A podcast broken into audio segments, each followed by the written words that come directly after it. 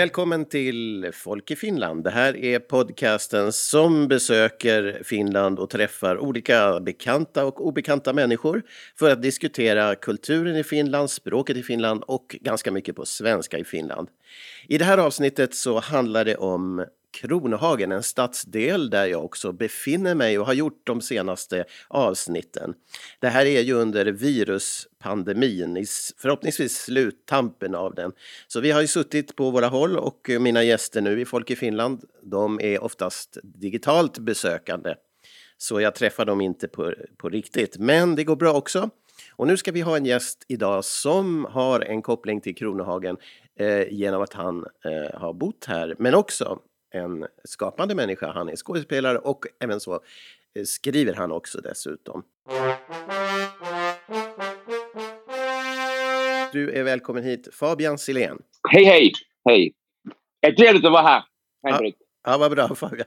Okej, eh, vem är du Fabian? Jag är mm, frilansskådespelare utbildad från Svenska institutionen här i Helsingfors eh, på och Teaterhögskolan och efter att jag blev eh, utexaminerad, nu ska vi se då vilket år det nu var, det var 2004 väl ungefär. Ja, eller inte un, ungefär utan 2004. Så det där har jag jobbat som frilansskådespelare och, och gjort lite det ena och det andra och nu är jag faktiskt konstnärlig ledare för en fri grupp eh, som heter Teater Mestola och och så skriver jag också, eh, för tillfället skriver jag faktiskt på en bok även, en roman som hoppeligen kommer att bli färdig, eller vi ska säga så här att råmanuset ska bli där klart till eh, eh, juli månad senast. Vad spännande. Jag vet ingen gäst som passar så bra in i vår serie som du egentligen, som har alla alla de aspekter. Men eh, vi ska börja med det här med Kronhage. Det är ju en gammal stadsdel. Eh, när Helsingfors flyttade från sin ursprungliga plats ner hit mot havet så var det ju här som centrum var. Och här finns ju också domkyrkan som många lyssnare kanske har sett på bild åtminstone, eller om de har besökt Helsingfors naturligtvis. Den stora kyrkan, den vita kyrkan. Och du har vuxit upp här de facto, eller hur? Jo, det stämmer. Jag jag föddes där, Mariagatan 7 då, och bodde faktiskt i, i tio år. Mm. Jag, jag, satt, jag satt där faktiskt igår och funderade att, att, att vad kommer jag riktigt ihåg av den tiden? Det är ju ändå ett antal år sedan, men den där barndomen kommer nog där tillbaka. Jag började tänka på hur otroligt unikt det var när jag där bodde där i, i den där början på 80-talet, eh, att eh, där bodde nästan hela min där familj i samma hus. Alltså släkt? Eh... Där kusiner och etc. Och, och, och, och, det, var ju, det var ju faktiskt ganska liksom unikt. Och, och, och, och det där Borgström, det släkten, det, det här Borgström som ägde den där tomten då, eller den här byggnaden, så är, är det här liksom historiska arvet som den byggnaden bär på med, med, med, med det där Henrik Borgström som ägde den byggnaden och sen byggde han ju en sån här, um, här fabrik runt hörnet, mm. en tobaksfabrik. Och, och allting ingick i liksom samma det här kvarter så att säga. Det var som att växa upp i liksom det här, någon film av, av här Bergman, jag tänker det främst på kanske Fanny och, och Alexander, liksom, att, att, att julaftonen var väldigt det här familjära och, och barnen sprang på den här gården och alla lekte med alla och, och så här. Ja, och det var ju det här fabriken eller, eller eh, det finns ju fortfarande kvar en av de fabrikshusen, det stora, eller hur? Höga huset ner mot vattnet på norra kajen. Jo, jo, jo, den finns där nog ännu. Jag vet inte om den, den, den, är ju, den används ju inte mer där, till det, utan jag vet inte riktigt vad som finns nu där mer, att det där lägenheter hade byggts om till det där bostadshus eller jo, jag minns inte riktigt, men att, att, att byggnaden finns nog där ännu.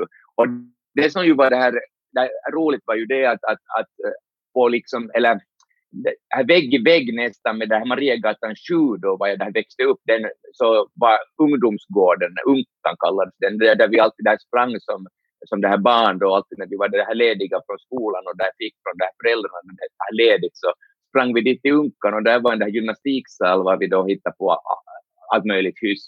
Och, och det var den här församlingen som ägde ungdomsgården. Och den byggnaden finns ännu också där. Är det ner, tullmagasinet eller är det åt andra hållet där det är?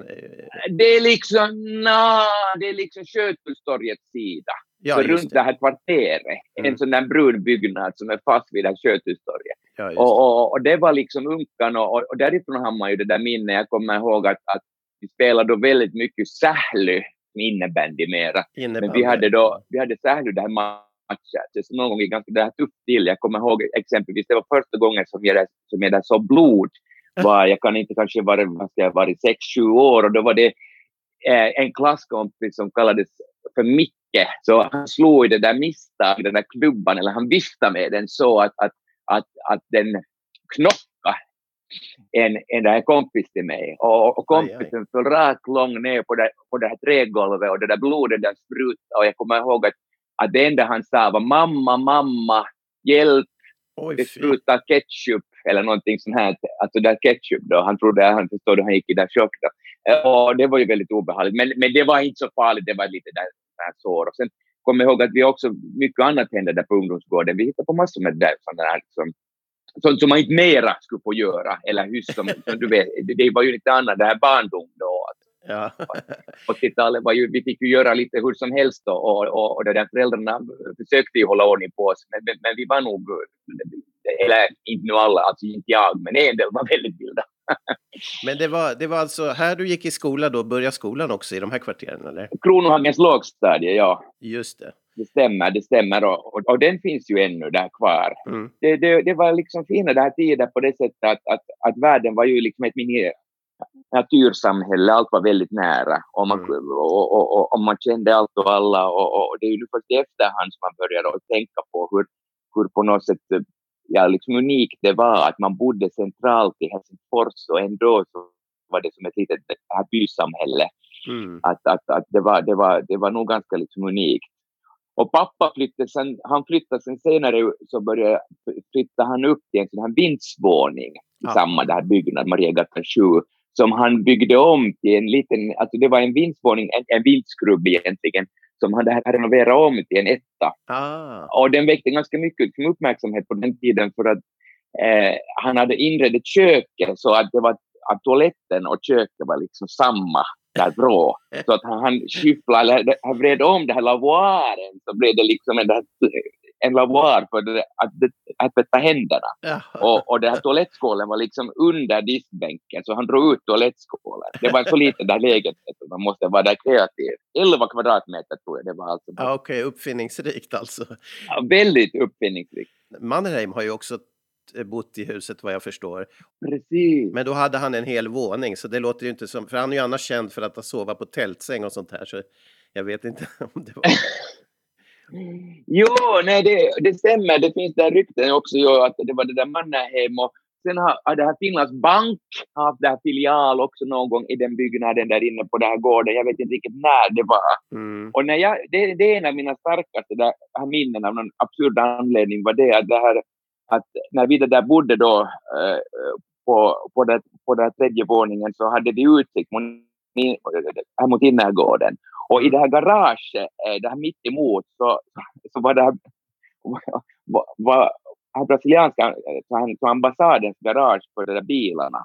Så finner de här Mercedes-Benz och alla de här ambassadbilarna. Och, och, och, det kommer jag ihåg att, att en, en decembernatt, eller det här morgon måste ha varit när det nu var mörkt, så, så skulle den ambassadören komma ut och så fick han inte ut den här bilen för den fastnade i isen. Där hjulen bara spinner, spinner, spinner runt, runt, runt, runt, runt.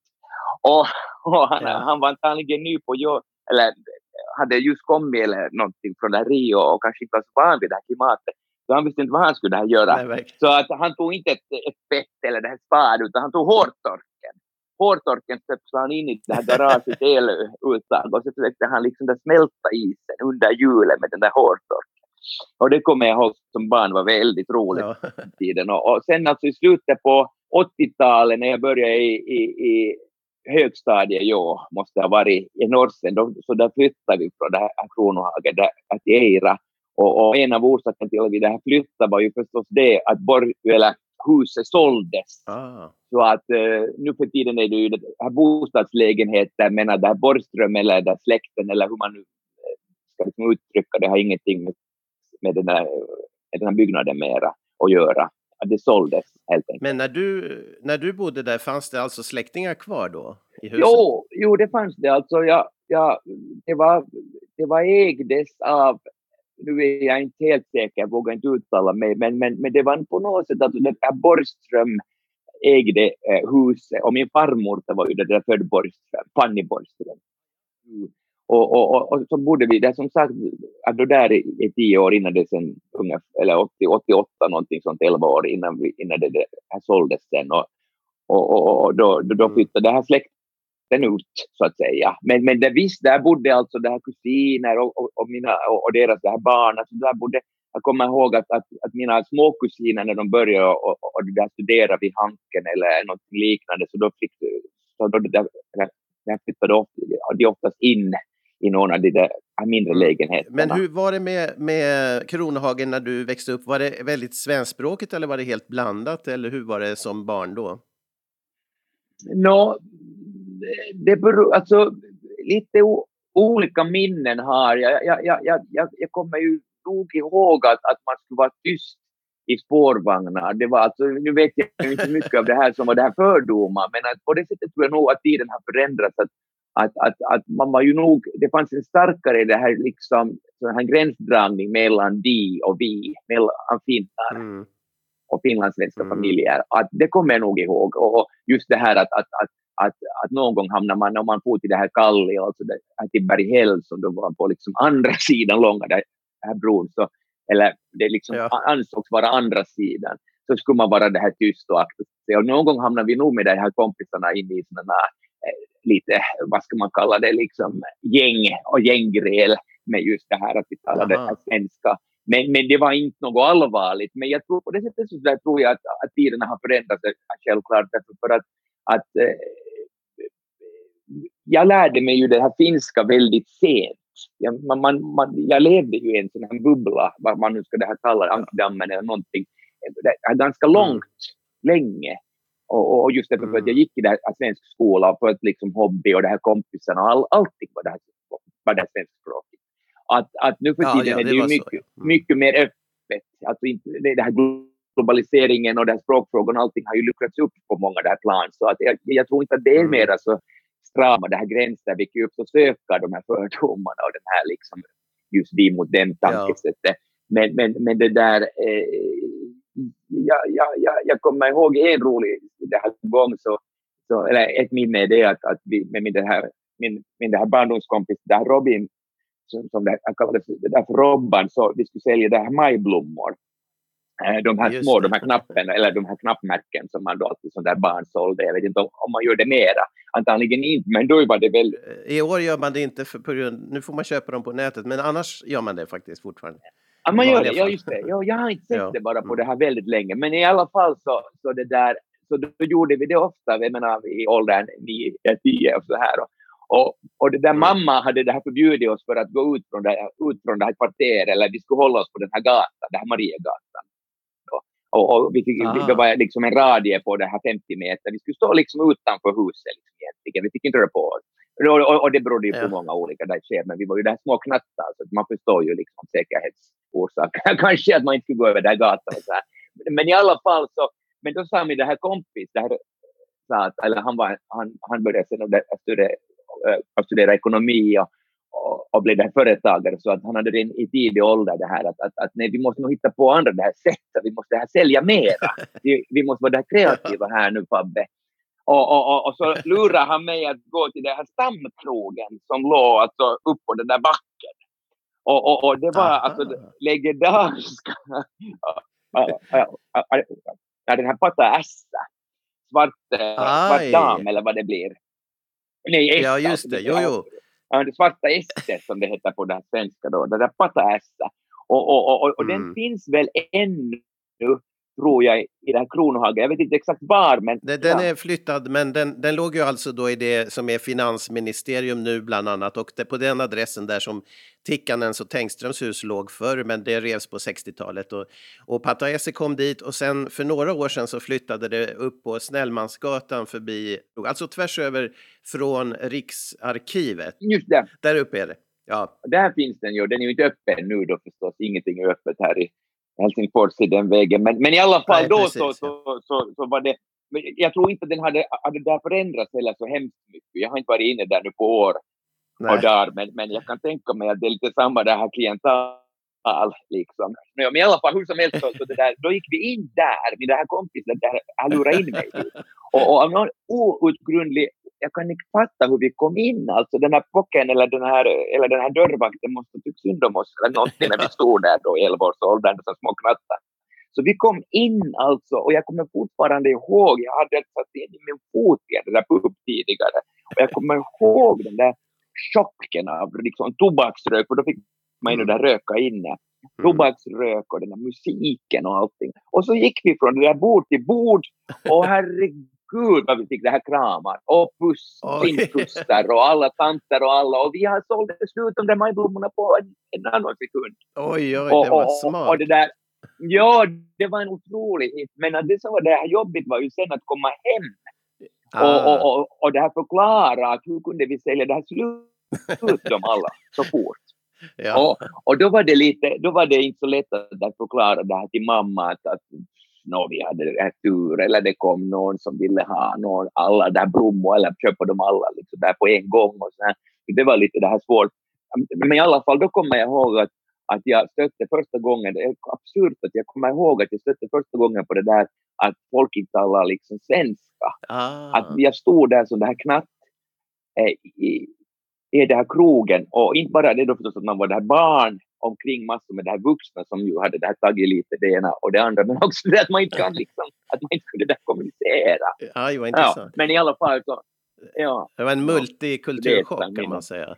Precis. Men, men, men att, att jag försöker säga det att, att, att världen då, då var ju lite annorlunda. Den var ju alltså ett liksom akvarium kan man säga på Ja, många ja. olika där plan. Jag kommer ihåg exempelvis i det här Kronhagens lågstadie när vi fick första gången, vi fick alltså, det var en, en ambassadson, ambassadörens son från Indien eh, som kom på det där besöket, eller var extra, eh, utbyteselev eller någonting. Han, han, han kom plötsligt till den här klassen och så gick han en termin eller någonting dylikt där med oss och, och, och jag kommer ihåg den här att han, han hur, alltså det var, det var, det var liksom, hur ska jag säga, no, det var i alla fall en sån här, jag kommer fortfarande ihåg hur, eh, hur chockade där vi var, alltså när det kom en, en, en indier på vår klass.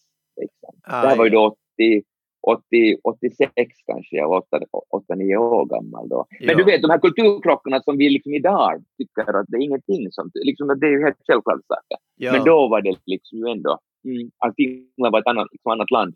just att man har vuxit upp då 100 meter från Senatstorget i princip och mitt i Sme- smeten och sen har man, har man då en helt svenskspråkig liten kokong där man har vuxit upp i och, och sen, Precis. det, det är ju märkvärdigt men så, så var det och kanske på sätt och vis har det luckrats upp som du säger nu men, men eh, eh, Kronohagen är inte, förefaller inte vara så svenskspråkigt när jag rör mig här.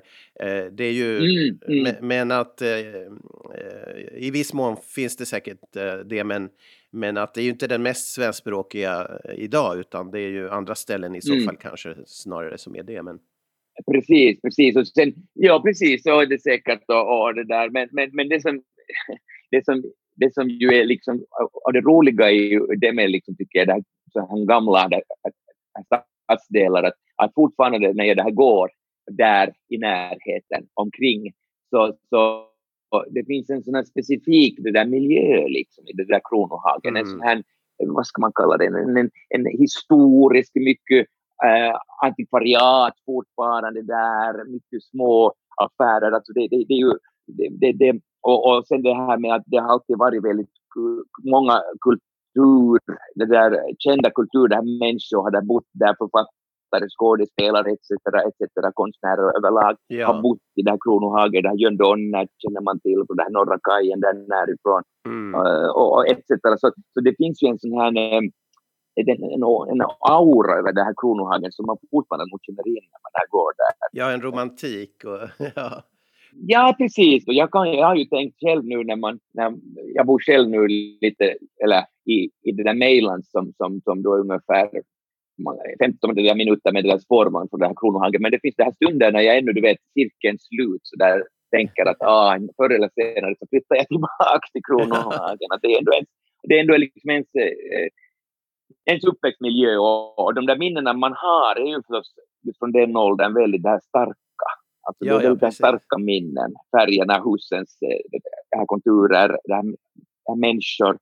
Och, och, om jag nu får återgå till det där Mariegatan så, så, så det som ju var så liksom otroligt var ju också, också det att, att, att det här kommersrådet Henrik Borgström som då levde, han föddes 1799 väl och då 1883 tror jag, som, som lät, lät det här bygga huset så, så som du säkert vet så, så det, han brann det ner en gång. Ja.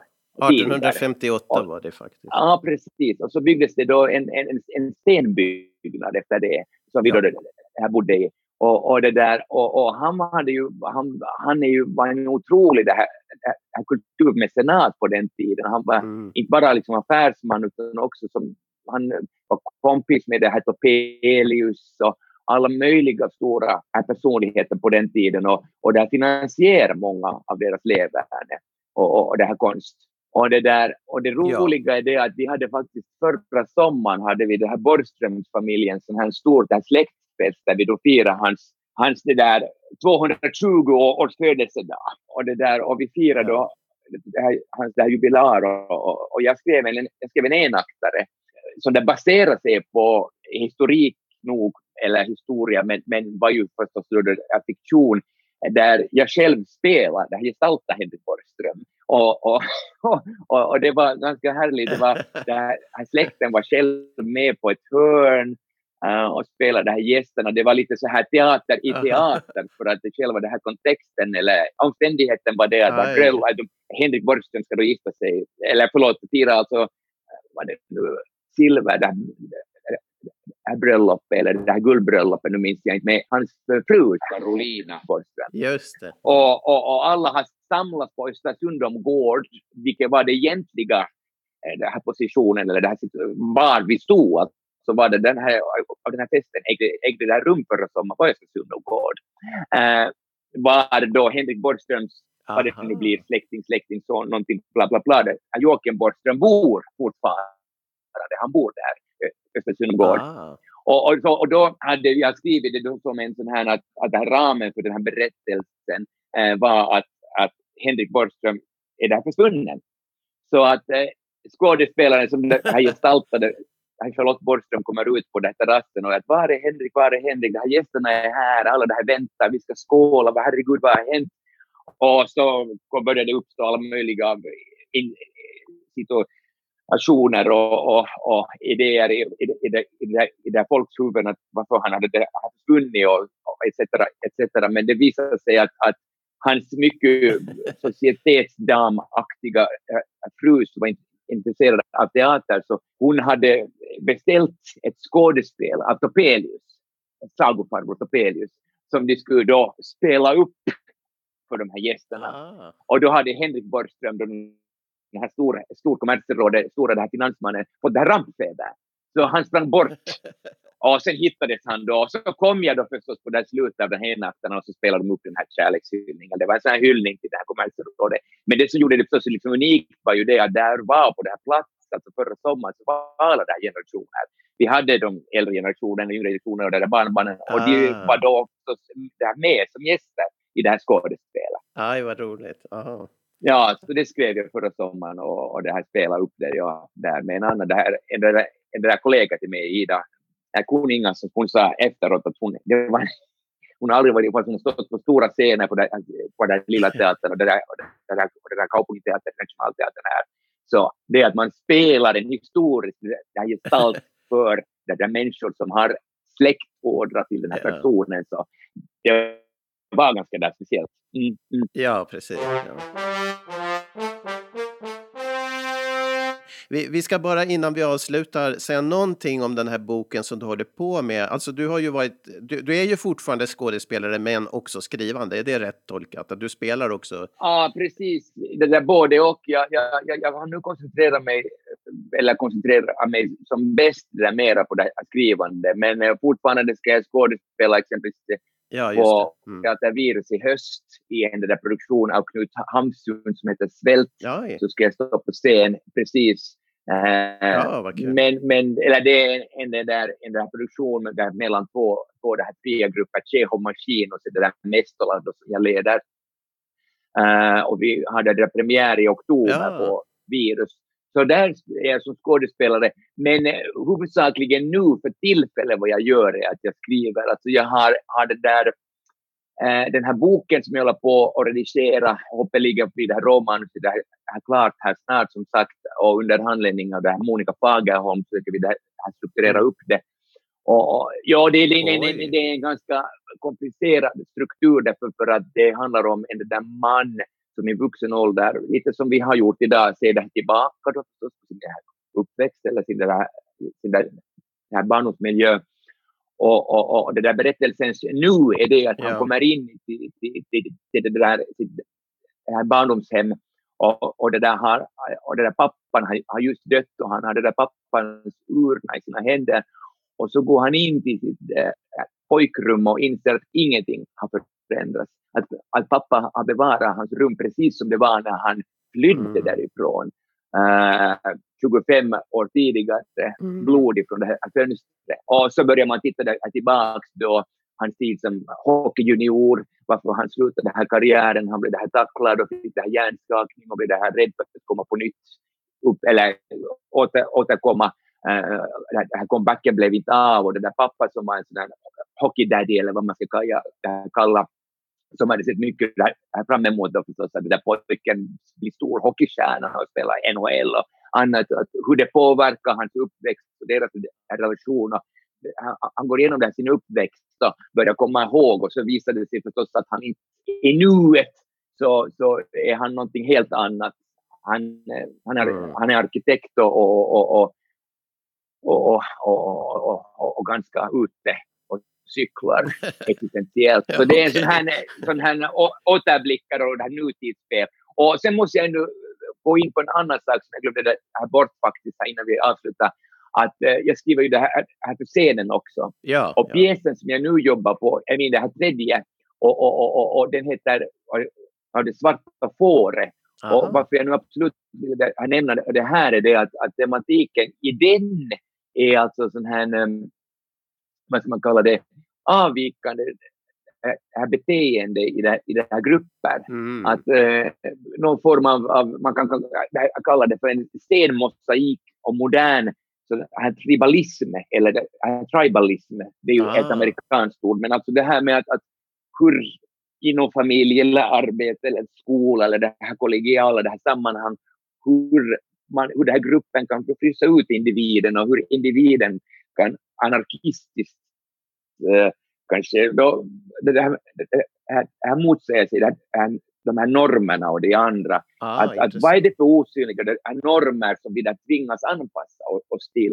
Och det Ja. tänkte jag, liksom när vi det här, det här talar om, om sånt här som, som det, det här barndom, uppväxtmiljö och, och sånt här. Så det är liksom intressant när man tittar det här tillbaka på just saker Mm. och ting. Så det som man då upplevde att man kanske var utanför det svarta fåret, så när man ser det, är tillbaka på det så inser man ju att det är oftast det som man längtar efter, det är ju obekanta i, i det bekanta, så att säga. Ah. Eller det, att tvärtom.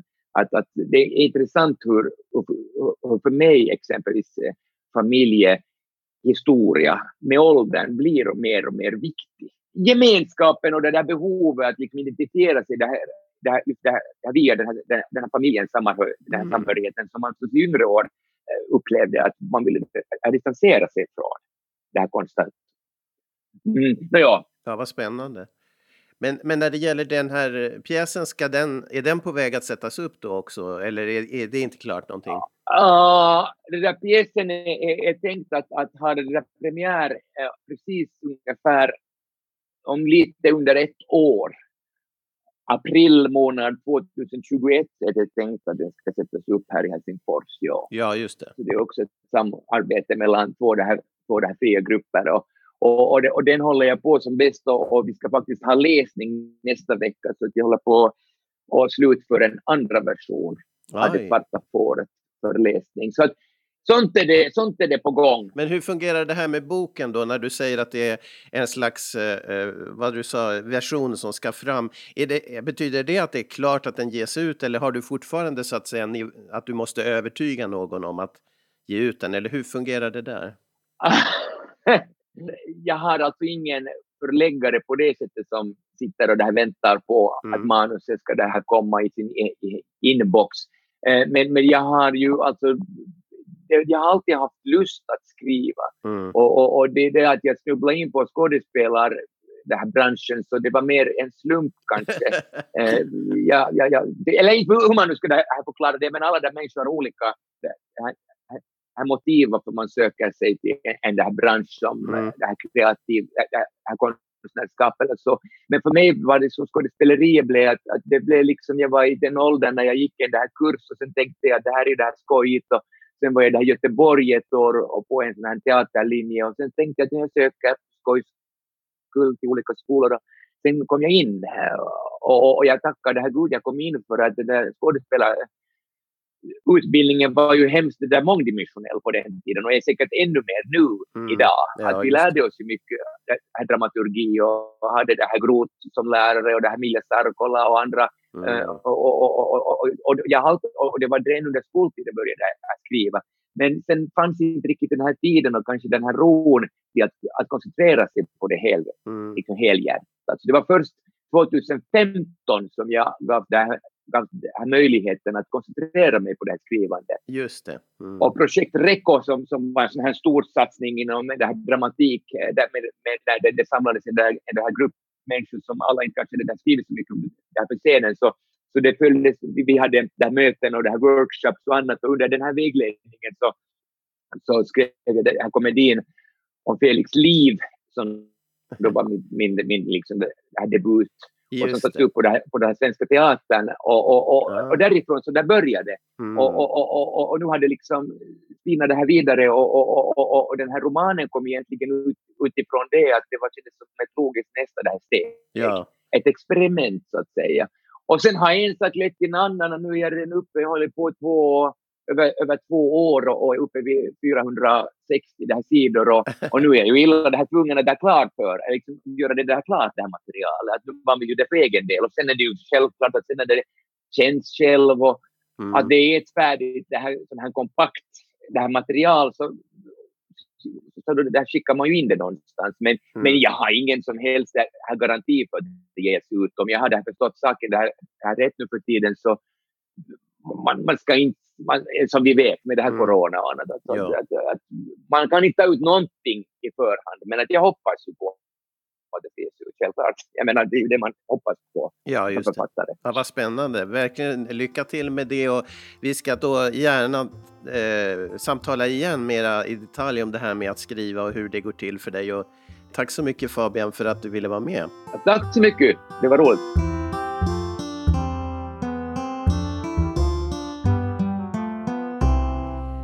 Du har lyssnat på Folk i Finland, podcasten som tar dig med till den svenskspråkiga delen av Finland.